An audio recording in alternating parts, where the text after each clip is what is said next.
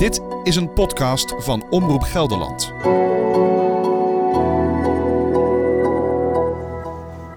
Maarten Dallinga en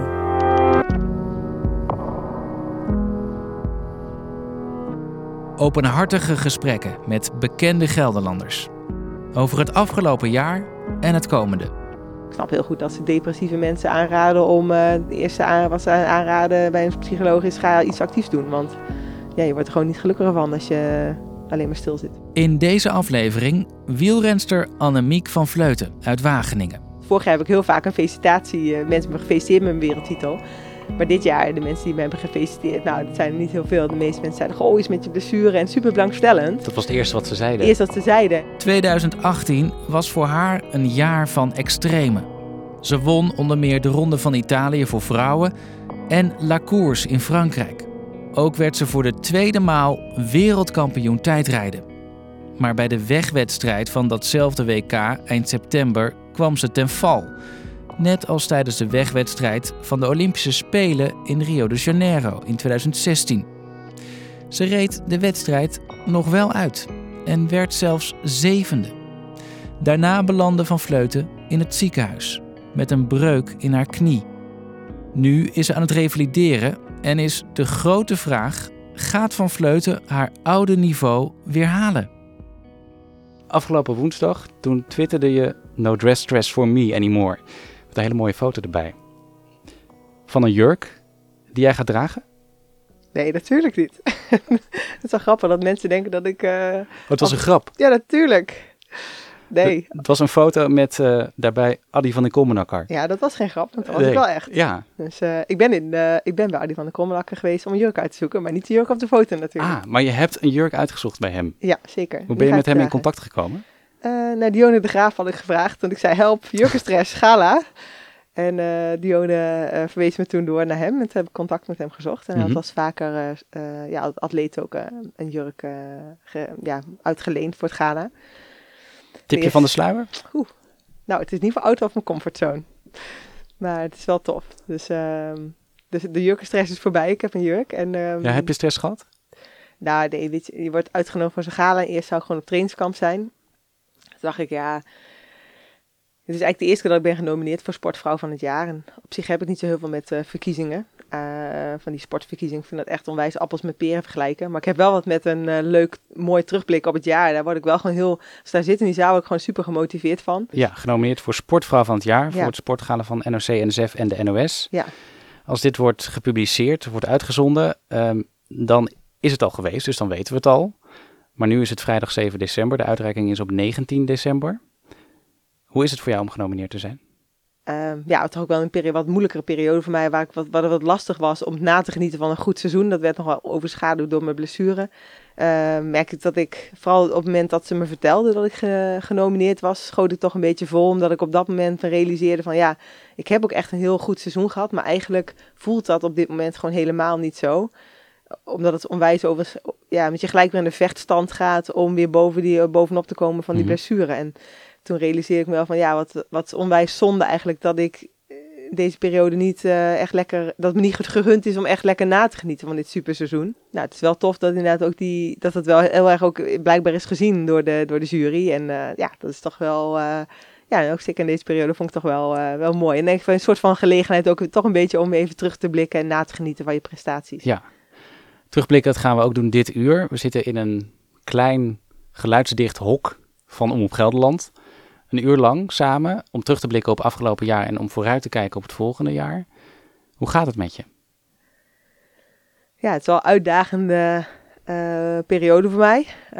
Um, maar fysiek gezien uh, loop ik wel voor op wat de fysiotherapeut uh, had gehoopt oh ja? voor mij qua herstel. En ook wel wat de arts van mij had gehoopt.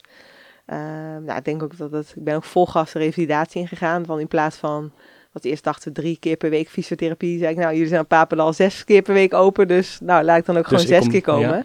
Want ik wist wel dat uh, vooral essentieel zou zijn om weer mijn been buigend te krijgen. Mhm. Mm -hmm. En helemaal zoveel graden buigend, dat zou 110 graden moeten zijn, om weer op de fiets te mogen stappen. Of te kunnen stappen eigenlijk, Mhm. mm -hmm. mogen niet kunnen. Want ik, Kan dat nu alweer? ja, dus dat kan ik nu sinds, dit is mijn derde week dat ik weer aan het fietsen ben. Ja.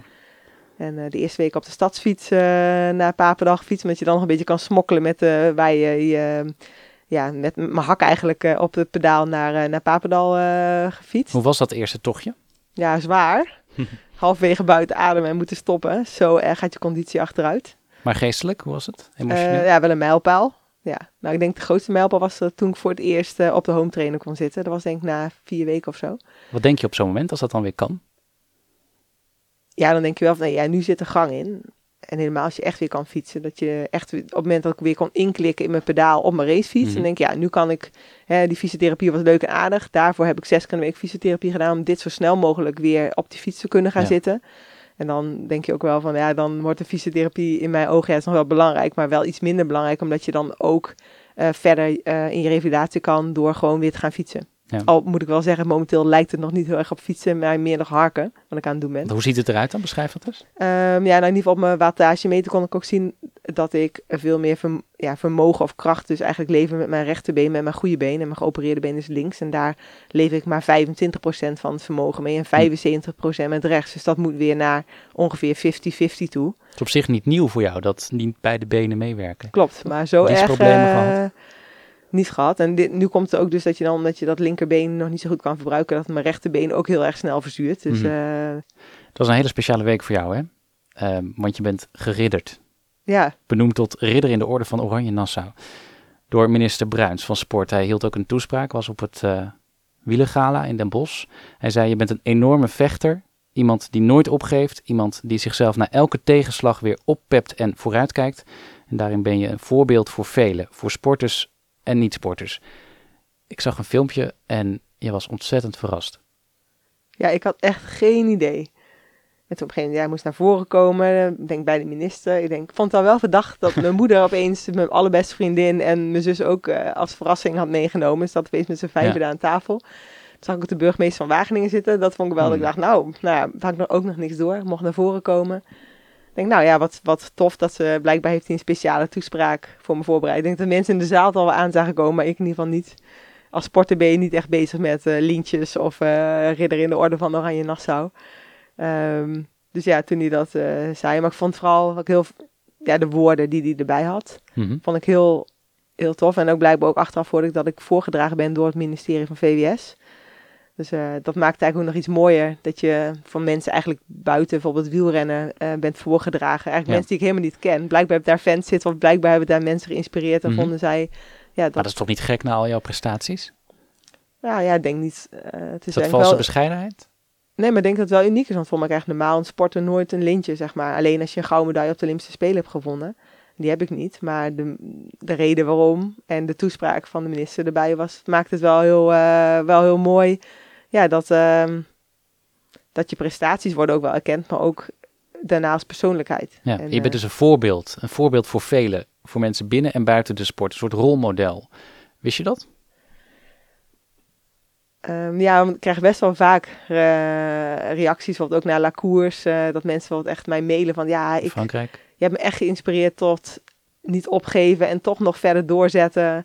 Um, ja, en niet opgeven. En uh, daar heb ik, heb ik zoveel mailtjes op de aanleiding van die heb gehad. Maar ook naar Rio. Dat mm-hmm. veel mensen ja, daar ook op terugkwamen. Helemaal hoe ik na vier weken weer de Ronde van België uh, wist te winnen. Dat heeft echt, uh, ja, maar ook vooral heel veel in het buitenland, heel veel, heel veel reacties opgeleverd. Hoe is dat om dat te horen, dat je een voorbeeld bent voor anderen? Nou, dat maakt me wel trots. Dat maakt ja, een voorbeeld zijn, een rolmodel.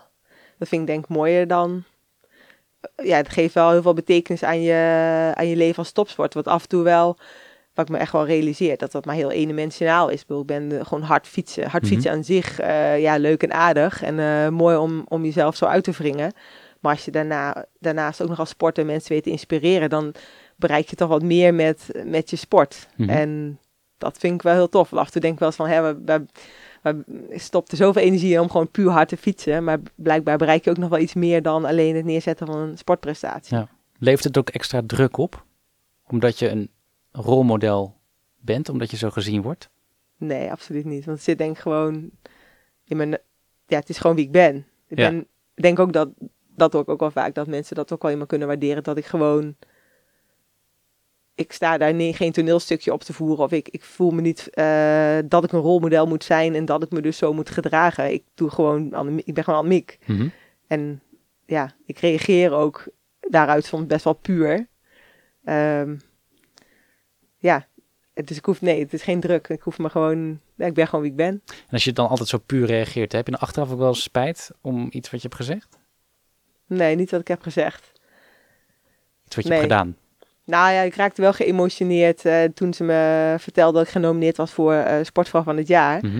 Ja, dan denk ik, ja, zit ik weer hier te huilen. Weer. Ehm, ja, nou, ik vind Want dat doe je vaak. Nou, Valt wel mee, toch in ieder geval niet in beeld. nee, voor mij valt het ook wel Dat was juist uniek. Ja, nou, ik ben eigenlijk ook wel trots op dat je wel gewoon, je, je bent gewoon ook heel puur en laat je emoties zien wanneer je die voelt.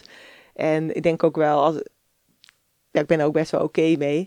Ehm, en helemaal omdat ik voor mezelf weet wat er voor mij achter zat. Het realiseren van, ja, ik heb er eigenlijk mezelf helemaal bijna niet van genoten. En nu, eh, ja, dat realiseren, ik denk ik, oh, toch zonde eigenlijk dat ik eh, Mhm. mezelf wat tekort daarin eh, heb gedaan door, ja, mijn been te breken. Op zo'n moment dat je dat dan ziet, dan vind je dat dus toch ook lastig om jezelf te zien huilen, om jezelf zo te zien geëmotioneerd. Ja, misschien wel. Ja. En waar komt het dan vandaan? nou ja, ik vind het wel mooi om je emoties te tonen als sporten, maar het hoeft, ja, ik hoef niet altijd al mijn emoties te delen met iedereen. En ehm, ja, misschien uit dit, eh, als ik het voor kies had, had ik liever die emotie even voor mezelf gehouden. Maar ja, het kwam er nu uit, dus nou ja, dan, eh, dan is het maar zo. Aan de andere kant zien mensen ook dat ik oprecht heel erg blij eh, en verrast was om genomineerd te zijn. En nou, daar is op zich ook niks mis mee. Ehm, op zo'n moment, hè, bij zo'n wielengala, is dat zo'n moment waarop je je vader extra mist? Ja. Ja, want ook wel een beetje voor mijn moeder, denk ik. Dus ik denk ja.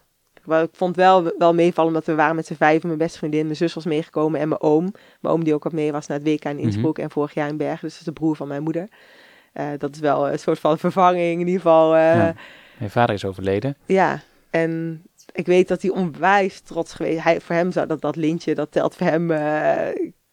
Ja, onwijs vaak had wel tegen mijn moeder gezegd van, eh, nou, eh, papa zal wel trots zijn, zeg maar. Maar dat kunnen we allebei nu wel gewoon lekker met droge ogen zeggen tegen elkaar. En Gewoon even zo wel even mijn vader erbij betrekken. Ja. Maar niet op een onwijs zware emotionele manier, maar meer, eh, ja, gewoon leuk om daar even, mooi om daar even aan te refereren. Dat we beide even daar wel bij aan hebben gedacht. En ja, dat, ja. Dus ja, missen wel, maar niet op een manier dat het overschaduwt. Mhm. En je zei net, ik realiseerde me toen eigenlijk pas hè, door die nominatie en door dat lintje van, ik heb mezelf eigenlijk niet toegestaan om te genieten van de mooie momenten van afgelopen jaar. Hoe komt dat nou? Puur omdat je gelijk in een eh, geopereerd moet worden en eh, je zit met een been gestrekt in een brace en je bent bezorgd over eh, ja, hoe dat revalidatieproces gaat verlopen. Je hebt gelijk, ja, gelijk moet je weer door in die revalidatie. Terwijl eh, ik weet zeker, als ik eh, niet eh, dat been had gebroken, had ik zeker wel de tijd genomen om lekker te genieten en lekker op vakantie te gaan. En dan zweef je soort op een roze wolk, ga je je off-season door en Mhm. dan geniet je lekker na en kan je, ja, leef je gewoon op een roze wolk, zeg maar, in de hele winter door. En dan heb je alwijs alweer, ben je een plan aan het maken en heel hongerig om weer nieuwe doelen te stellen. En ja, dat, ook dat kon ik nu ook niet. Want Mhm. ik kan wel doelen stellen. Mensen vragen me, wat zijn je doelen volgend jaar? Ik denk, ja, maar daar ben ik afhankelijk van hoe dat herstel gaat met die knie. Dus ik kan nu wel doelen stellen, maar nou, eigenlijk kan het dat gewoon niet. Want ja, ik weet nooit of dat... Dat heb ik niet helemaal in eigen hand, zeg maar. Terwijl als ik niet die knie had gehad, dan ga je je doelen stellen. En weet je ook of ze realistisch zijn. En ga je wel uitdagende doelen stellen. Dus dat maakt je dan ook gewoon heel hongerig en gemotiveerd. Mhm.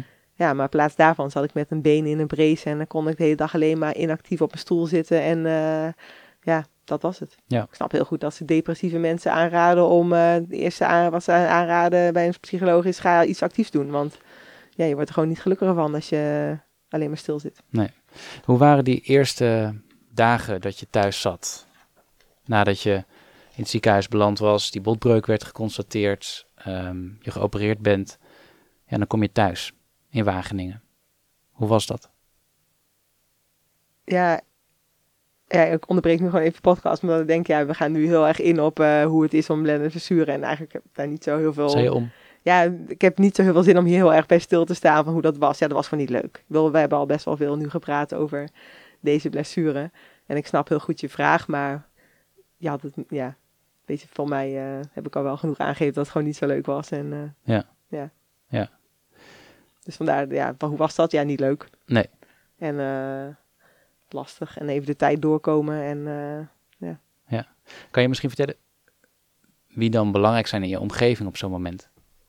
Want dat- die, ja, je hebt mensen nodig, toch? Ja, op zich wel, maar uiteindelijk is het ook gewoon dat je je- jezelf moet je uit, eh, eruit trekken. Dus ja, dan kunnen nog zo honderdduizend lieve mensen voor je klaarstaan. Eh, Of of zijn het maar twee mensen, dat is ook al genoeg die voor je klaarstaan. En Mhm. dat is ook wel heel fijn om de tijd door te komen. Maar uiteindelijk ben jij het wel als atleet die jezelf ehm, weer gemotiveerd moet zien te krijgen. En jij moet uiteindelijk eh, jezelf weer eh, in zo'n mentale staat zien te krijgen dat je er tegenaan gaat. En dat je, dat je de energie weer vindt om zes keer in de week eh, naar de fysiotherapeut te gaan. En er weer aan een revalidatieproces te moeten gaan beginnen. En ook realiseren dat het misschien heel lang gaat duren. En ja, dan is wel heel fijn dat allemaal lieve mensen voor je klaar zijn. Want dat is wel heel fijn om die, zeker de eerste drie weken... eh, kijk, als je dan helemaal alleen thuis zit. Dus was, ik heb natuurlijk heel veel afleiding gehad. En ik heb me absoluut geen moment verveeld. Dus eh, het was ook wel fijn om... eh, ik ben natuurlijk veel weg van huis. Dus het was wel een goed moment om mijn sociale contact even Hmm. met vrienden en familie... kan ik nu wel zeggen, na twee maanden later, dat, ik, dat was wel heel fijn. Dat ik iedereen weer even leuk heb gezien. En leuke dingen ook nog wel de laatste maand heb kunnen doen met ze. En dat was ook iets, hè. Van, ja, mensen zeggen, ja, lekker nagenieten. Maar ja, je kan ook helemaal niks. Nee. Dat, eh nagenieten op de bank, dat gaat niet zo lekker. Dus het is leuker als je het eh, tijdens een leuke duikvakantie of een leuke hikevakantie met mijn beste Mhm. vriendin had kunnen doen. Eigenlijk zou je nu in Colombia zitten, geloof ik, hè? Ja, ik had, was door Esteban Chavez uitgenodigd om op, eh, bij hem langs te komen. En dan wilde ik ook eens kijken hoe het is om daar te trainen. Het leek me ook wel een hele leuke combinatie van weer beginnen met trainen en een beetje een avontuur aangaan. Maar Ja. goed, die vlucht heb ik moeten cancelen. Uiteindelijk ben je dus eh, naar Papendal gegaan, zelfs zes dagen in de week. Is er dan een bepaalde, is er dan een knop omgegaan op een bepaald moment? Nou ja, nee, geen knop, maar je weet gewoon, eh, je weet gewoon gelijk, ja, ik bedoel, ik wil weer terugkomen. Dat, eh, dat weet ik zeker. Dus ja, dan weet je, dan, dan moet je dit gewoon doen. Je wordt een, een, een expert genoemd in het omgaan met teleurstellingen. Klopt dat? Nou ja, ik heb er inderdaad wel een aantal, ehm, aantal eh, mee weten te dealen. Dus ehm, ja, ik heb er helaas wat meer op mijn pad gekregen dan gemiddeld misschien. Ja. Hoe doe je dat? Dat omdenken, las ik ook ergens, omdenken, dus iets ombuigen. Ehm, ja, wel heel erg de focus houden op eh, wat maakt mij nu zeg maar eh, blij, zeg maar. Dus ik heb ook vooral alleen ja gezegd tegen dingen dat ik denk of mensen langs laten komen waar ik denk, ja, die geeft mij nu energie bijvoorbeeld. Ehm, en ook ehm, soms ook een beetje de regie in je eigen handen geven. Want ik had wat eh, een feestje ge- gegeven voor mijn wereldtitel. Mhm. Uh, maar ik merkte dat 9 van de 10 mensen die me, uh, die me zagen, die, bijna niemand heeft me bijvoorbeeld vorig jaar heb ik heel vaak een felicitatie, uh, mensen me gefeliciteerd met mijn wereldtitel. Maar dit jaar, de mensen die me hebben gefeliciteerd, nou dat zijn er niet heel veel. De meeste mensen zeiden, goh, iets met je blessure en super belangstellend. Dat was het eerste wat ze zeiden. Eerst wat ze zeiden en, en daarbij er bijna, nou 9 van 10 feliciteerden me geen eens zeg maar meer als ze me voor het eerst zagen. En dan af en toe, oh ja, oh ja, ook nog fijn, oh ja, leuk voor je wereldtitel. Doet dat pijn? Uh, nee, maar het maakt het wel uitdagend om toch ook, uh, ja wel, want je zit zelf al heel erg in die blessure, zeg maar. Dus dan, je blijft maar aan het praten over, ja, nee, ik kan mijn benen niet buigen. En je blijft maar een beetje in een, in een, uh, een verhaal vertellen, een negatief verhaal vertellen. Dus wat had ik gedaan op dat feestje? Dat is ook wel echt typisch voor mij. Ik denk dat mensen heel erg, van mijn vrienden heel erg hebben gelachen toen ik de mail de deur deed. Ik zei, nou, ik geef een feestje in, in de mail aan iedereen gestuurd. Eerst even een blessure-update uh, gegeven. Gewoon, ik denk, dan heb ik dat in één keer alles verteld. Dan zag ik mezelf al op mijn feestavond, uh, de hele avond met iedereen die ik sprak. Uh, de update over hoe het gaat met mijn knie uh, geven. Ik zei, nou jongens, de verboden, dit is de blessure-update. Verboden woorden waren WK wegwedstrijd. Hoe is het met je knie? En ja, hoe gaat het nu of zo? Ja. Dus, en dat hielp?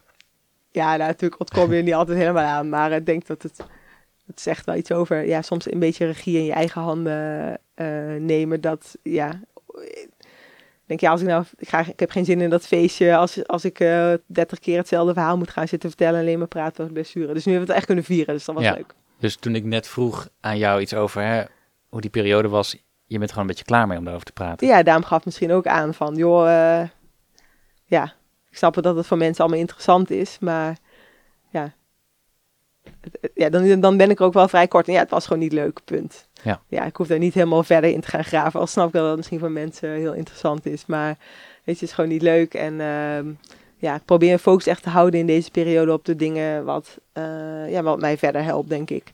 En waardoor ik denk wel expert ben in het omgaan met teleurstelling, is dat ik er niet in blijf hangen.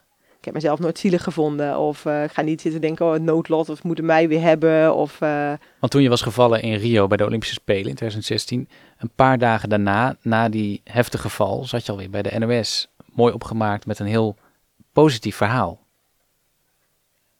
nou, voor mij was dat ook best wel een emotioneel verhaal. Maar wel zat daar een, een, een strijdbaar iemand. Ja. Een krachtig iemand, niet een, Nee. een- niet een slachtoffer. Nee, dat klopt. Ja. Voor mij ook iets in mij. Ja, iets in mij eh, wilde. Ik wilde dat gewoon heel graag even sowieso aan de wereld laten zien. Hè, hoe, het er, hoe het er met me was, zeg maar, denk ik. Waarom En- eigenlijk? Nou, ja, ook, dat is ook gewoon heel praktisch gezien. Dat het gewoon heel fijn is als je dat, eh, die weet dat het wereldwijd wordt bekeken. Dus dan is het ook gewoon heel makkelijk dat mensen in plaats van. Ik werd overstroomd door berichten. Dus dan heb je gewoon met één video-uitzending weten mensen gelijk even hoe het ervoor er staat vanaf. ja, dan ben je er vanaf. Dus dat was de eerste ingeving. En uiteindelijk is het denk ik... En ik denk, ja, misschien ook wel... Weet je, het is, sport is ook niet alleen maar de successen. En ehm, ja, dit hoort er ook bij. En mensen leven ook mee. En ja, ik denk ook dat ik dat op mijn social media ook wel neem- meeneem. Dat mensen ook wel wat meer meenemen, ook in de weg ernaartoe. En dit was de weg achteraf. Dus het hoort er ook bij. En ook daarin, eh, ja, mensen zijn, wil, volg me graag. En ja, dan willen ze ook graag de update erna weten. En ja. Heb je dat altijd al gehad, dat je bij het tegenslag de draad vrij snel weer oppakt? ja, ik denk dat dat ik wel echt ook van mijn ouders heb meegekregen. Mijn Oh ja? vader is overleden aan kanker en, heb, en mijn moeder en mijn vader, mijn ouders dat hebben opgepakt. En was altijd gewoon nog heel fijn om toch thuis te komen, ondanks dat mijn vader super ziek was. Maar mijn vader heeft zich nooit zielig gevonden, mijn moeder ook niet Mhm. nadat mijn vader was overleden. Dus ik ben onwijs trots op Maar mijn was ouders. geen kunstje. Dat is geen kunstje, nee, dat zit denk ik wel echt in onze genen. Dus het is ook geen Hm. kunstje wat ik daarop zat te voeren. Ook dat interview, dat was dat strijdbare, dat was eh, ook echt. En ook dat je heel erg beseft van, eh, weet je, jezelf zielig gaan vinden, dat helpt dat maakt me ook niet gelukkiger. En dat helpt me ook niet verder. En Nee. daarom was het ook wel desvond naar Rio ben ik ook echt Nederland ontvlucht, omdat mensen mij heel erg in, in dat hokje van ah en wat erg en ik dacht dat je dood was en terwijl ik eigenlijk mensen zaten nog heel erg vol in die emotie van Rio eh, en dat ik dood was en dat ze of dat, dat ze dat dachten en die wilden dat heel graag met mij delen, maar ik was daar heel klaar mee, want ik wilde gewoon verder. Ja. Ik dacht ja het is gebeurd. Ik heb echt twee weken heel moeilijk gehad om dat te verwerken. Ik werd echt met de steen in mijn maag wakker. Echt heel ongelukkig gevoeld. Wat twee voor weken gevoel lang. is dat dan eigenlijk? Ja, dat was gewoon zwaar depressief. Dat ik alleen maar kon denken, waarom heb ik die bocht verkeerd ingeschat? En, Enorm streng voor jezelf dus. Maar ja, ook gewoon echt wakker worden. Hè, op het moment dat je wakker wordt en dan denk je, oh, wat is het dag voor vandaag? En dan denk je, oh ja, Olympische Spelen, ik heb die bocht verkeerd ingeschat. Waarom Mhm. heb ik die bocht verkeerd? Dat was het eerste wat Hoe ik gaat het dan in eh, je hoofd? Kan je dat beschrijven? eh, ja, dat je realiseert van shit, die gedachte is er nog steeds. Ik wil van deze gedachte af. Ja. En, De hele dag door. Nee, dat, dat kon ik dus prima stoppen. En Hm. daardoor ging ik bijvoorbeeld ook echt eh, vermomd naar de, naar, het, eh, naar de supermarkt. Omdat Capuchon op. capuchon op, omdat mensen me elke keer weer daarop aanspraken. Dus dan kwam ik weer terug in dat, in dat gevoel. Je ging niet eens via de voordeur naar de supermarkt. Nee, als ik, ja, inderdaad. Maar ik zag dat mensen buiten liepen of mijn buren, dan dacht ik nee, dat, eh dan ging ik via de achterdeur in de weg. En toen realiseerde ik ook, ik moet hier gewoon weg uit Nederland. Want het leeft hier gewoon zo erg en dit gaat mij niet verder helpen. Ik wilde de rust. Wat voor gevoel een- is dat dat je dus eigenlijk in je eigen woonplaats niet jezelf kan zijn op zo'n moment? Ja. Ja, gewoon mensenschuw werd ik ervan, zeg maar. Hmm. Ik sloot me gewoon echt op in mijn huis. En ik wilde eigenlijk ook Gordijnen niemand, dicht? niemand onder ogen komen. Ja, en ook een, slechts een paar vrienden. Want ja, hoe meer...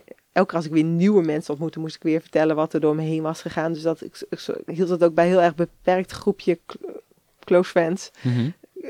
die ik maar wilde zien. En vooral als de mensen, al als ik zo een keer had gesproken na Rio, was het makkelijker. Want dan hoefde we niet nog een keer dat verhaal door. Ja. Maar goed, toen heb ik dus ook na twee of drie weken, twee weken mocht ik voor mij weg doen. En toen, eh, toen zei ik, wil gewoon heel graag naar, eh, naar die berg en lekker Italië. komen. Ja. Met je moeder. ja, nou, het was niet per se dat ik met mijn moeder daarheen wilde, maar ik kon ook gewoon geen auto rijden door de hersenschudding. Dus Ja. Ik heb mijn moeder gewoon heel lief aangekeken en daarna heeft mijn buurvrouw me uiteindelijk opgehaald. Dus eh, dan- ja, dat was gewoon even ook noodzaak dat ik, eh, En denk je op zo'n moment dan ook niet, was ik maar niet bekend? ja. Ja, maar dat denk ik wel vaker. Dat ja. denk ik ook in goede tijden. Dat ik niet altijd op bekendheid is sowieso nooit mijn drijfveer geweest. Dat vind ik echt wel eerder een groot nadeel dan een voordeel. Ehm, Wat is het grootste nadeel? Nou, vooral als wel de Ronde van Nederland rijdt, de Boels Ledenstoer, dan zijn er op een gegeven moment zoveel mensen die een foto met je willen, dat je uiteindelijk niet meer aan alle verzoeken kan voldoen. Mhm. En dat geeft je een heel opgejaagd gevoel, dat je van het ene in het ander, en je wilt liefst wel je met iedereen even op de foto en met iedereen even aandacht besteden, maar het zijn nou gewoon vaak gewoon eigenlijk te veel mensen. Aan de ene kant is dat super tof, maar en je wil eh, heel graag aan alle verzoeken voldoen, maar soms, ja. Voel je dan schuldig? Ja, wel een beetje. Ja, en ook opgejaagd soms Ja. een beetje. Want je moet ook nog door naar de doopcontrole. En tussendoor werden honderd mensen met je op de foto. En ja, en eh, ja, ook wel ook soms eh, berichten die je krijgt dat iedereen... eh, ja, best wel veel mensen sturen je een berichtje via ook allerlei kanalen. Krijg je berichten binnen via Twitter, via Instagram, via e-mail, via... Ja, je kan uiteindelijk ook niet altijd meer overal op reageren.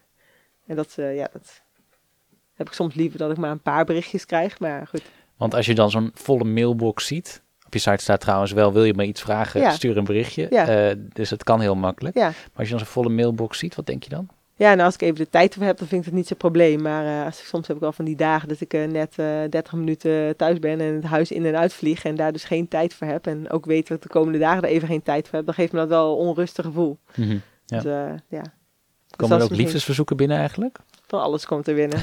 ja, dus ik kan het zo gek niet bedenken wat er binnenkomt. Hoe ga je daarmee om dan? Nou ja, nou, het meeste moet ik wel gewoon heel erg hard lachen. Maar ehm, ja, Wat is het gekste wat, je, wat jou geschreven is?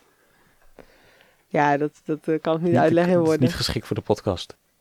Ja, sommige mensen schrijven echt heel erg van, alsof ze tegen me praten vanuit hun hart. En dat levert ook hele aparte e-mailtjes op. Oh ja. Ja. Hele levensverhalen. Ja, hele, soms ook, eh, mis ook nog zonder punten en komma's. Ja. Ja. Maar ja, nee, de kaartje krijgt inderdaad eh, de, ja, van fotokaart verzoeken tot verzoeken om te gaan fietsen tot mensen die ook nu ook na zo'n blessure, heb ik, ja, krijg ik heel weet ik veel berichtjes met mensen die allerlei medische wondermiddelen aan me aanbieden Oh ja. en allerlei, eh, ja, waar ik natuurlijk nog veel sneller van ga herstellen of eh, commercieel, dus ook af en toe ook. Ja. Maar je bent ook een soort van halfgod voor sommige mensen, als ik het zo hoor. Nou, leg uit. Nou ja, dat mensen jou zo in vertrouwen nemen en, en jou zo ja, als een voorbeeld zien. Is dat niet heel gek? Nou, ik zou het geen halfgod willen noemen. Gewoon meer inspirerend, denk ik. Inspirerende sporter, denk ik. Die eh, vrij toegankelijk is en ehm, ja, spontaan. Ik denk dat ze dat zien en dat dat misschien uitnodigt toe om eh, ja, te sturen.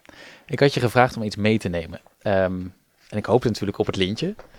Ja, dat is niet geworden. ik niet bij je. Nee, eigenwijs als ik ben. Waarom niet eigenlijk? Ehm, nou, voor mij heb je gevraagd om iets mee te nemen waar ik trots op ben. Ja. En het lintje aan zich eh, eh, is niet iets waar ik trots op ben. Nee, Het verhaal wel daar. Het verhaal, omheen. de toespraak, waarom wel. Maar eh, niet het lintje. Dus nee. nee. Wat heb je wel meegenomen? Ja, wel dingen waar ik wel trots op ben. Of wat iets over mij zegt eigenlijk meer. Want ja, Mhm. dat... Je pakt het uit je tas. Nou, is eerst is er Ah, echt kijk. niet zoveel over mij. Maar ik dacht om het een beetje de, de studio in de sfeer te brengen, denk ik. ehm, ze hangen hem... Neem ik twee, eh, ja, met twee Olympische, of eh, twee uh, wereldkampioenstruien meegenomen aan de hanger. Dus ik dacht, dan kunnen we dat even leuk. de Prachtig. sfeer, Ja, wat goed. Niemand ziet het, maar dit is wel... hè, voor het geluid. Oeh, hang het even op. Hangt ze nu aan de wand. Ik hoop dat er nog een derde bij gaat zijn komen volgend jaar. ja. Want voor mij ben ik dan de enige, maar ik moet, weet niet helemaal zeker. Maar voor mij is er geen enkele vrouw. Er zijn wel een aantal vrouwen die hebben twee keer wereldkampioen tijdrijden geworden. Mhm. Maar voor mij niemand drie keer. Nee. Dus dat, eh, Ja, ik was op zoek naar nieuwe uitdagingen voor 2019. En eh, dat was even hard, eh, hard denken. Want ik wilde eigenlijk dit jaar echt supergoed zijn in de Ardennen klassiekers. De Waalse Pijl, Obstacle Race en Luik, Pas naar Luik.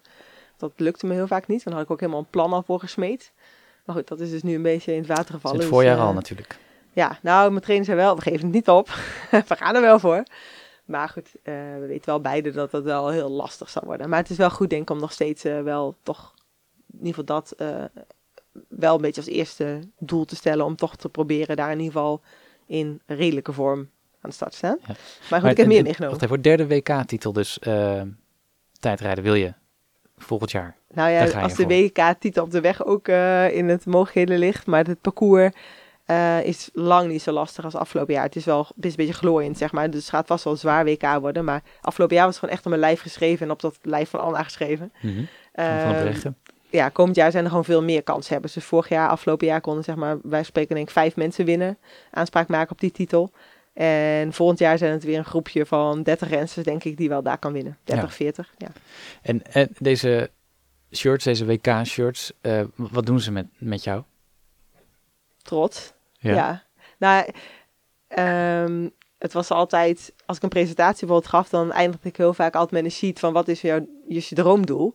En in het begin stond daarop Nederlands kampioen worden ooit, tot 2012. In 2012 werd ik Nederlands kampioen op de weg en in 2014 voor het eerst eh, op de tijdrit. Oh ja, dat, daarna kwam de Nederlands kampioen tijdrijder op te staan. En vanaf dat moment eh, is er eh, wereldkampioen eh, op komen te staan. Mhm. Dus ja, dat is vorig jaar eh, wereldkampioen of olympisch kampioen. Maar is dan ook dat je ze af en toe uit de kast haalt? En misschien nog even naar kijkt of zelfs a- aantrekt? Nou, dat hoeft eigenlijk niet, want eh, op het moment dat ik op mijn tijdritfiets eh, ga rijden, mag ik eh, in de regenboogtrui. Dus daar heb ik de kleding van mijn ploeg voor. Dit zijn gewoon de truien die ik krijg op het podium die ik heb meegenomen. Mhm. Maar ik heb dus ook een, in mijn kledingkast dus één plank, helemaal gereserveerd voor regenboogkleding. Dus dat is allemaal in het wit met, ja, met de regenboog erop. Er zit een mooi glazen, glazen, glazen ruitje voor. Dus als je mijn kledingkast Ah, dus je- opent, dan ja, kan Ja. ik wel van genieten dat het allemaal mooi, er nog mooi in zit. Je hebt nog iets meegenomen. Ja, twee dingen nog. Oké, Ja, want een supermarkttas met... een supermarkttas. Ja, daar sta ik trouwens ook bekend om. Om, om bij mijn ploeg dat ik altijd alles in de supermarkttassen vervoer. Ehm, ik moest wat meenemen wat een beetje wat over mij zei. Nou, deze heb ik van eh, vrienden gekregen. Een lijstje? Vorig jaar. Het is een lijstje met, eh, ook met een eh, fietser, met een, ja, zo'n kunst, door een kunstenares gemaakt. Er staat in ieder geval op, stick to the plan en go with flow. Mhm.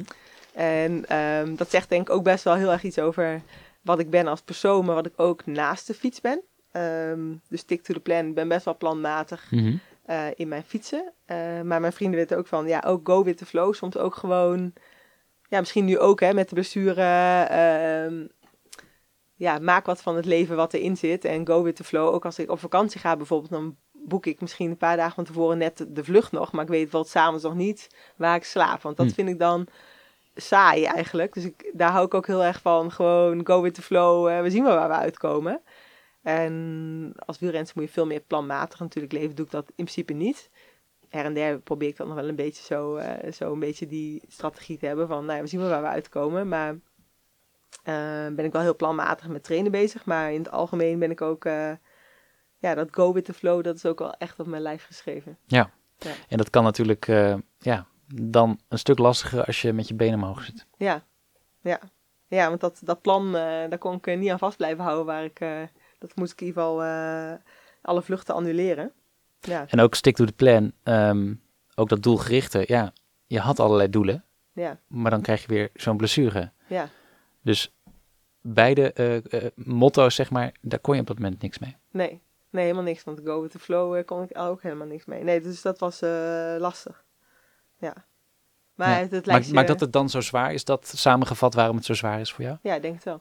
Ja, dat zit eigenlijk in dit lijstje, ja. Ja. ja. Ja. Dingen waar ik eigenlijk heel blij van word, maar wat ik niet kon doen.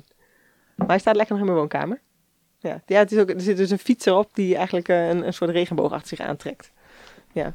En de andere, die heb ik gekregen van Marianne Vos. En die staat nog steeds in mijn woonkamer ook. Kijk. Ook al een beetje eh, eigenlijk aan te geven dat Rio inmiddels geen baksteen meer is eh, die in mijn maag zit. Want het is een foto uit- de wegwedstrijd van Mhm. Rio. En het is, eh, Marianne Vos heeft hem gegeven vier weken nadat ik eh, gevallen was in Rio, won ik de Ronde van België. En toen kwam zij met dit cadeau aanzetten. Het is op een ja, ijzeren plaat, een foto. Ja. Ehm, Er staat een tekst op. ja, Ja. nou is het ook al de foto wat ik heel, waardoor ik gewoon goed ernaar kan kijken, is dat op dit moment los ik bergop alles en iedereen. Dus ik toon eigenlijk in Rio dat ik de sterkste was die dag bergop. En dat laat deze foto zien. Hier los ik Myra Abbott, een, een meisje die super dun is en die ik nooit had gedacht sterker te zijn bergop dan haar. Ehm, Dus, dus hier sta jij op in je volle kracht. ja, en ook het gedeelte waar ik dus ook trots op ben en wat me daarna ook heel erg heeft geïnspireerd om eh, verder te gaan. Mhm. En ook eh, nieuwe doelen te stellen buiten mijn comfortzone. Door meer doelen bergop te stellen. Waar ik Mhm. eerder altijd, iedereen heeft me altijd verteld, je bent geen klimster. En dat ben, was ik zelf ook heel erg in gaan geloven dat ik niet kon klimmen. Tot Rio. En Rio heb ik echt laten zien dat ik de sterkste was die dag bergop. Dus toen dacht ik, hé, hey, dit kan ik ook. Maar om nog even terug te komen op mijn cadeau van Marianne. Mhm. Want ehm, zij zei, ik heb dus nog steeds het bord vast. Ehm, je hoort ook wel dat het metaal is. Ehm, zij had haar een, een, een lijfspreuk, zei ze altijd. En ze zei, ik dacht dat dat die op mij van toepassing was, zei ze altijd. Maar vier weken nadat ik dus naar Rio de Ronde van België won, zei ze... Eigenlijk, ehm, eh, ja, ik denk dat die op jouw lijf veel meer nog van toepassing is. En ik weet niet, wil jij hem voorlezen of zal ik het Dat doen? doe zelf maar. Um, success is not final. Failure is not fatal. It is the courage to continue that counts. En het een uitspraak van Winston Churchill. Ja, dus deze... Ja.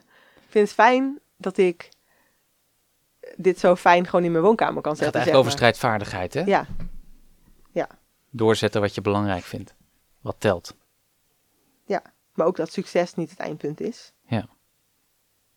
En falen niet fataal. Maar wat is dan wel het eindpunt?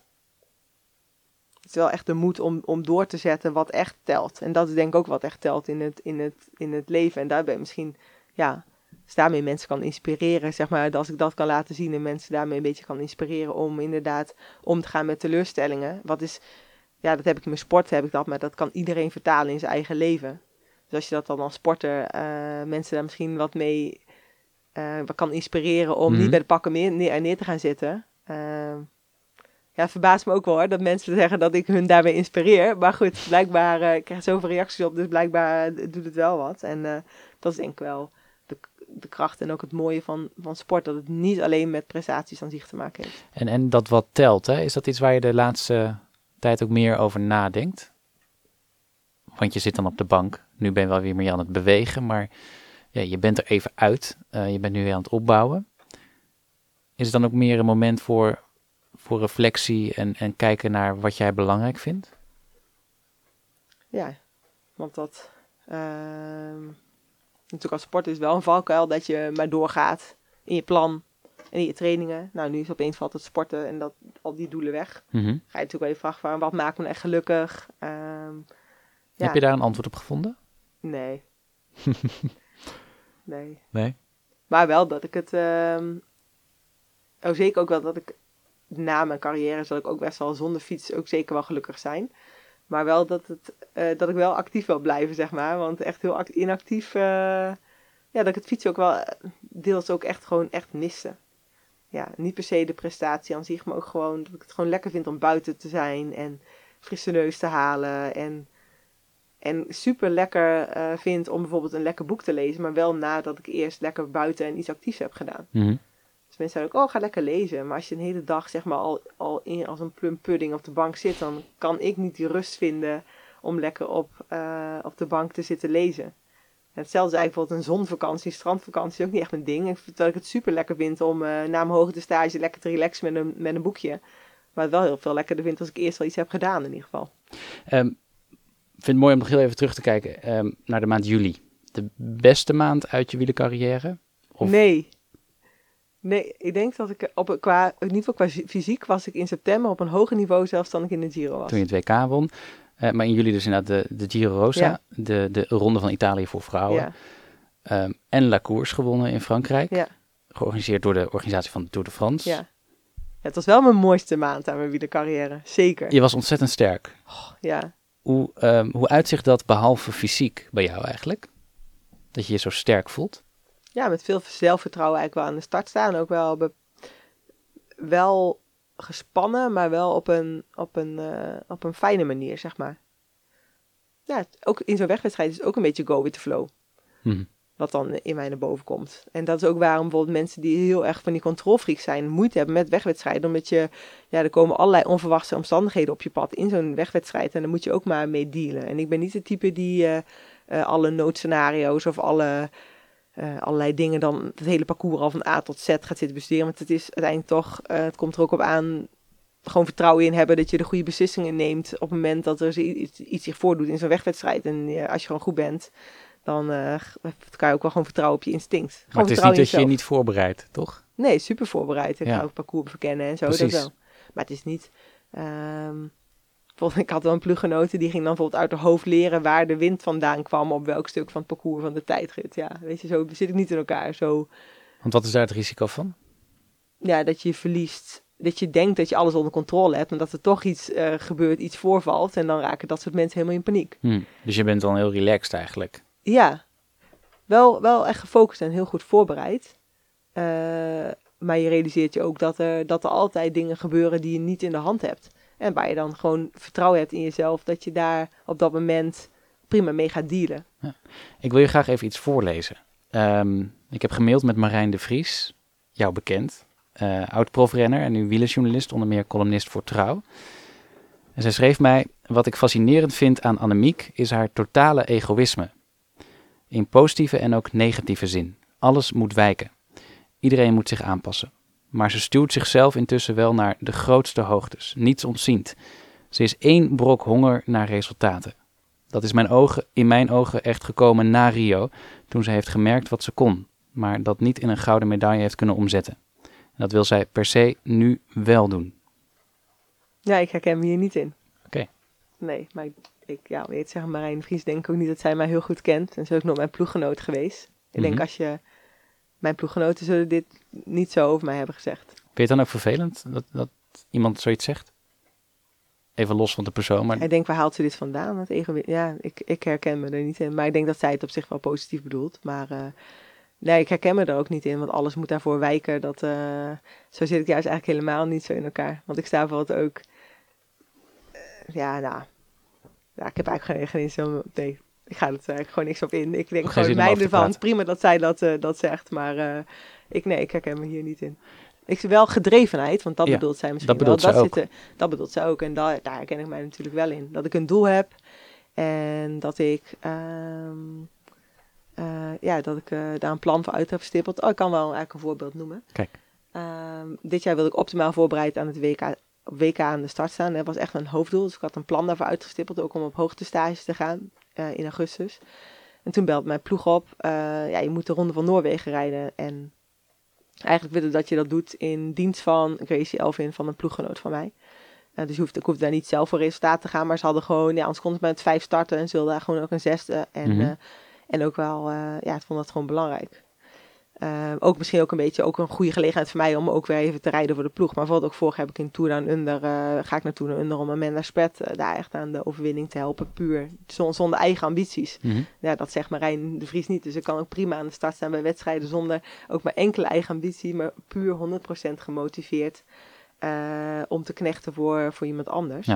En hetzelfde met die ronde waar Noorwegen, dat gooide mijn hele plan voor het WK tijdrijden. Ik moest eerder terugkomen van mijn hoogtestage. En daardoor na de Boels Ladies Tour nog een keer op hoogtestage gaan. Dus ik moest helemaal het plan omgooien met mijn trainer. Omdat ik dus moest knechten in die ronde van Noorwegen voor eh, mijn ploeggenoot. Maar ja, ik kom eerder terug en eh, sta daar zeker super 100% gemotiveerd aan de start om ook te rijden voor mijn ploeg. Want als ik ergens voor ga en als ik daar dan ook ben, dan ben ik ook gewoon 100% gemotiveerd om mijn taak te doen. En wat ze ook zegt eigenlijk, is, is dat je er heel veel voor opzij zet voor het wielrennen. Klopt dat? Ja, dat, dat is deels wel zo, maar ik denk ook wel. Ik reed net met mijn ploeggeno- met mijn ploegleider was op bezoek en die reed heen. Ja. Zij is ieder, alle, zijn alle Dutchies zo relaxed als jij met omgang met trainen. In zijn ogen ben ik dus een heel iemand die heel relaxed omgaat met trainingsschema's en eh, In welke zin dan? eh, nou niet onwijs gefocust of heel erg Minder eh, strikt dan andere? Ja, en bijvoorbeeld ook dat ik eh, halverwege best wel ga lunchen. Of dat ik vrienden uitnodig. Of dat ik dan met het hotelpersoneel in, op hoogtestage sta te barbecuen. eh, eh, twee weken voor het WK. Dat zou hij nooit doen. Waarom doe je dat wel? Ja, omdat het me energie geeft en wat me blij maakt. En omdat ik denk, het wordt natuurlijk een geniale avond. Het zijn alleen maar Italianen. Ik spreek niet zo goed Italiaans, maar dacht, wordt vast leuk. Maar je denkt dan niet, eh, dat biefstukje kan ik beter niet doen. Nou, ik heb wel even inderdaad over getwijfeld. Ik denk, oh, dit is misschien niet helemaal optimaal qua dieet en qua eh, avond. En, ehm, maar toen dacht ik, ah ja, voor mij word ik hier gewoon wel heel blij van. Dus Mhm. doe ik dat ook. En hetzelfde dat ik ook gewoon regelmatig ook gewoon... Ja, het is wel dat ik vaak op een berg zit en veel weg ben. Maar ik probeer ook vaak gewoon vrienden en familie eh, langs te laten komen. Waardoor ik gewoon s'avonds zit ik leuke spelletjes te spelen. Met eh gezelschapsspellen ben ik ook wel groot fan van bijvoorbeeld. Dus ik probeer ook een beetje het trainen met het... eh, aangename of met het sociale Mhm. te verenigen. Ja. Dus eh, ja. Maar in hoeverre heeft het fietsen invloed op je sociale leven? wel in dat ik best wel veel dagen van huis ben, dus dat ik vaak ja, dingen wel mis, zeg maar. Dat, dat doet natuurlijk wel dat Verjaardagen, je, feestjes. Ja, ja. En niet voor mezelf vind ik dat niet zo erg, maar vind meer voor mijn familie en vrienden. Af en toe, want mijn moeder werd 70 afgelopen jaar, gaf ze een feestje, ja, daar kon ik niet bij zijn. Dat Hmm. vond ik wel, dat ging me wel aan het hart, omdat ik dan weer op die berg zat. Dan vind Mhm. ik voor mezelf, maar gewoon voor mijn moeder had ik daar wel graag bij geweest en voor mijn familie. En waarom kies je daar dan toch niet voor om, om daarbij te zijn? Eh, oh, ik heb wel eigenlijk wel gekeken of het nog terug zou kunnen komen. Ja, dat, dat was echt in mijn, in mijn blok in die voorbereiding voor het eh, eh, WK. En ja, dat is gewoon dat dat, ja, dat midden in die hoogtestage viel. Dus dan En waarom is het wielrennen dan toch ja, belangrijker op zo'n moment dan de verjaardag van je moeder die 70 wordt? Nou, voor mij is het meer de omgang met mijn moeder en de relatie. Mijn moeder hangt niet vast op haar 70 jaar, 70ste verjaardag. Eh, ik doe weer andere dingen met mijn moeder op andere dagen. Wat dat betreft, mijn moeder elke dag jarig zo kan zien. Mhm. En niet per se alleen op die, die dag. Alleen, ja, het was leuk als ik er ook bij was geweest natuurlijk voor de familie. Maar ik denk dat ik eh, genoeg in investeer in mijn relatie met mijn moeder. eh, op andere momenten ook. Dus vandaar dat ik... En daar heb ik dan ook wel echt aandacht voor op het moment dat ik Ja. terugkom. Dat ik met haar afspreek. En vriendschappen, is dat wel eens lastig om die te onderhouden als je zoveel met je sport bezig bent? Ehm, nee, ik heb wel dat ik denk dat misschien andere mensen hebben misschien een net wat grotere vriendenkring. Maar ook in mijn sport eh, ga, ik, ga ik ervoor om, als ik iets doe, doe ik het goed. Dus ik heb wel een beetje, ben er wel reëel in dat ik niet onwijs grote vriendenclub bij kan houden. Daar hebben mensen ook wel begrip voor. Hm. Maar als ik ergens bij kan zijn, doe ik wel echt mijn best om, om, eh, om erbij te zijn. En met name dan gewoon mijn familie en echt mijn eh, vrienden die heel dicht bij me staan. Eh, ja, daar, daar neem, maak ik alle tijd voor. Stuit je ook wel eens op onbegrip? Dat mensen niet begrijpen dat je geen tijd voor ze hebt? Ehm, nou, er zijn meerdere mensen, denk ik, die een beetje zeg maar, in de derde lijn zitten, wat, wat meer afstand van me hebben. Die dan iets hebben van, ja, maar je hebt dan voor mij wel tijd, zeg maar. Mhm. Eh, juist de mensen die me echt eh, dicht bij me staan, die hebben overal eh, begrip voor. En zoals ook mijn moeder begrip voor had. En me nooit een schuldgevoel heeft gegeven dat ik niet was op haar 70ste verjaardag. Ja, en die dan juist wel waardeert als we op een ander moment samen zijn. En zou je tijd hebben voor een relatie? Volgens mij heb je geen relatie. Nee. Die heb ik niet inderdaad, maar ik heb, zou er zeker tijd voor maken. Ja. Ja, dat zeg ik ook eens tegen mensen dat ik mijn leven richt ik nu wel meer in, omdat ik op dit moment single ben. Mhm. En eh, geen vriend heb. En ehm, wat ik overigens trouwens wel heel... Ja, lijkt me wel gewoon super leuk. En het leven is af en toe wel wat eendimensionaal als je geen relatie hebt. Op wat voor eh, moment mis je het dan bijvoorbeeld? Ehm, nou, nu dan ook wel wat extra als je geblesseerd bent. Ehm, maar ik zou mijn leven gewoon anders inrichten op het moment dat ik wel een vriend heb. Dan kies je er eerder voor om met dit weer, het regent nu lekker buiten, om eh, met dit weer, eh, ja, of met slecht weer wel gewoon in Nederland te blijven om te trainen. Omdat je ook weet dat je s'avonds de gezelligheid hebt van, eh, ja, samen met je vriend relaxed op de bank zitten. Of iets leuks doen samen. Dan kies je daar wel voor. En nu is het wel meer een makkelijke keuze zoals afgelopen jaar lekker naar Australië te gaan. En ook te profiteren van, ja, van de bestaande single. Dus Ik zou me kunnen voorstellen dat als je zo bekend bent, dat je dan wat minder snel op Tinder gaat bijvoorbeeld. Nou, inderdaad. Dus dat is, eh, dat is ook lastig. Het is wel lastiger, denk ik, nu geworden om. ehm, ik merk dat ik natuurlijk wel aandacht krijg, maar dat is vaak eerst gericht op dat de aandacht ontstaat omdat ze me bewonderen vanuit als Annemiek als wielrenster. Maar voor mij, voor mij is het meer interessant als iemand mij kan waarderen om wie ik ben en niet omdat ik hard fiets. Mhm. En daar word je ja, wel wat voorzichtiger, denk ik, in.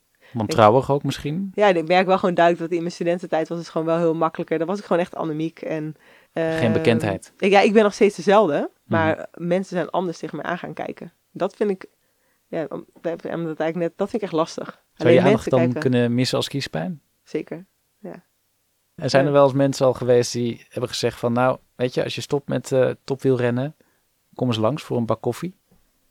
Eh, ja, Maurits Hendricks heeft bijvoorbeeld wel na Rio eh, tegen mij gezegd van... joh, kom eens een keer langs inderdaad voor een bak Mhm. koffie. En mensen als jij willen we graag behouden voor de sport. NRC, NSF. Ja. Dus eh, daar heb ik eigenlijk nooit een vervolg aan gegeven. Want ik sta nog veel te veel met ambities eh, ben ik bezig. En ik, ik ben daar eigenlijk ook nog niet mee bezig op dit moment. Ik Nee? Wil, nee. Ik wil echt nog even eh, alles uithalen wat er nu in zit. Wat zit er nog in, denk je? Ik ga ja, het is een hele vervelende vraag, maar ik stel hem toch. Ja, nou, ik denk dat de Olympisch goud er nog in zit. Ja. Tokio 2020. Ja, en dan ligt er in 2020 ook nog een heel mooi wereldkampioenschap met een heel mooi zwaar parcours. Wat schijnbaar nog meer hoogtemeters heeft dan Innsbruck. In ieder geval voor de mannen. Hopelijk Mhm. doen ze dat ook voor de vrouwen. Dat ze ons niet eh, anders behandelen. Ehm, dus ja, dan eh, zit dat er ook nog in. Dus WK en een Olympische plak. Ja, het WK op de weg is het dan en eh, Olympische plak. Ja, Ja. Dat, zou, dat zou tof zijn. Zou tof zijn, maar is ook haalbaar, denk je? Is haalbaar, zeker haalbaar. Waar, zeker als je waar baseer je dat op? Want Nou, als je mij, zeker als je mij had gevraagd na eh, WK eh, tijdrijden in Innsbruck. Hè, tijdrit is ook een eh, Olympische discipline. Er zijn twee medailles te verdienen op de weg en op de tijdrit. Ja, en ik was afgelopen in Innsbruck. Ik ben één keer verslagen op de tijdrit in de afgelopen twee jaar. Dat was alleen op afgelopen NK. Maar je hebt nu een, ja, een zware blessure opgelopen. En je hebt ook al eerder gezegd, ja, je leeftijd speelt toch ook wel een rol. Maakt het niet makkelijker om terug te komen? Waarom denk je dan dat het toch gaat lukken? Omdat ik ervoor ga. En als het nou toch niet lukt? Laten we vanuit gaan dat het lukt, maar hoe, hoe zwaar is dan de klap? Ja, dat is wel helemaal een vraag waar ik niet op inga. Sorry. nee, daar ben ik ook niet mee bezig. Dat is mijn mentaliteit. hebt gewoon het doel voor ogen. Ja, maar ik ga nu niet bezig zijn. Dat is, ook, dat is dus ook precies wat ik eigenlijk bedoel met Go with the Flow. En in een, in ook voor een wegwedstrijd ga ik niet allerlei rampscenario's nu voor me halen. Dat zien we dan wel weer. En dan wil ik, ik heb ook, de, dan ga ik daar wel weer mee dealen. Maar ga nu niet afvragen eh, als het dat niet gaat lukken. Nee, absoluut niet. Ik heb nog een heel klein cadeautje voor je meegebracht. Ehm, want het is toch eh, decembermaand, hè? Hoe ga jij de feestdagen invullen eigenlijk? Ik ga op trainingskamp, maar ik heb ook wel gekozen om wel deze keer eens even kerst te gaan vieren met mijn familie. Omdat dat de afgelopen twee jaar eh, had overgeslagen Hmm. doordat ik in Australië en Nieuw-Zeeland zat. Ik heb er even over gedacht om wel even lekker naar Australië te gaan. Maar ik dacht, ja, het is toch ook wel heel tof om eh, even met vrienden en familie eh, de tijd te besteden. Zeker nu dat het gewoon een prima optie is. Dus ik ga nu twee keer op trainingskamp. Ik kom even terugvliegen voor kerst. Kerst vieren en dan ga ik weer weg. En waar is de trainingskamp? Eh, eerst ga ik naar Calpe en eh, op Gran Canaria heb ik vrienden uitgenodigd. Dus eh, daar ga ik met oud en nieuw vieren. Kijk. Ik ben benieuwd wat je hebt. Oeh, Of heb je hem al? nee. Kijk. Veggie. Want je houdt van, van lekker eten. Ja, zat laatst in een jury, zag ik, eh, van een, van een eetwedstrijd zelfs. het is alleen maar op groenten gericht, zie ik. Ja, is dat, is dat een probleem of niet? Eh, nou, niet per se, maar ehm, ik maakte vroeger altijd wel de grap in mijn studentenhuis dat als er een vegetariër kwam hospiteren, dat hij er niet in zou komen. Oh, kijk, en dan geef ik je het boek Veggie. Nou, ja, moest ik wel lachen. Maar ik hou ook wel van groenten, dus het is ook wel de uitdaging om, eh, om eh, zeker met groenten, die komen er altijd in voor. En ook belangrijk. Ik moest eraan denken omdat ik een foto Ja. zag op, op Twitter van, eh, volgens mij was het boerenkool. Ja, In de moestuin van je moeder, geloof Ja. ik, hè? ja, ik ben wel echt heel gek op boerenkool. Ja, vooral in ieder geval, en vooral in de tuin Ik van hoop dat er mijn een moeder. recept met boerenkool in staat. Ja, leuk. Nee, maar het is wel wat leuk. Wat, wat wordt jouw belangrijkste wens eigenlijk voor het nieuwe jaar? Ja, dat ik eh, vrij snel weer eh, lekker kan gaan fietsen. Dat ik weer echt geniet van het fietsen. Want fietsen is nu echt nog wel een beetje een worsteling. Ehm, dus ja, ook wat Marijn de Vries zei van alleen nummer 1 telt. Dat, ook daar herken ik me helemaal niet in. Want ik juist, ben juist heel erg een processporter volgens mij. Die heel erg ook geniet van het proces en van een mooi rondje trainen. En eh, genieten dat het gewoon lekker en dat de zon schijnt. Mhm. En dat je in een mooie omgeving traint met leuke mensen bij je. En een leuk gesprek hebt op de fiets. Eh, dus ik hoop dat dat er heel snel weer in zit. Dat het gewoon weer een beetje niet eh 25% links harken is. Maar dat dat gewoon weer een beetje gaat draaien. En dat ik ze kan genieten van het fietsen. Ik hoop het voor je. Dank je. Dankjewel voor dit gesprek, Annemiek van Vleuten. Dit was Maarten Dallinga N. Benieuwd naar mijn andere interviews? Kijk dan op omroepgelderland.nl slash podcast. Of abonneer je op Maarten Dallinga N via je favoriete podcast app.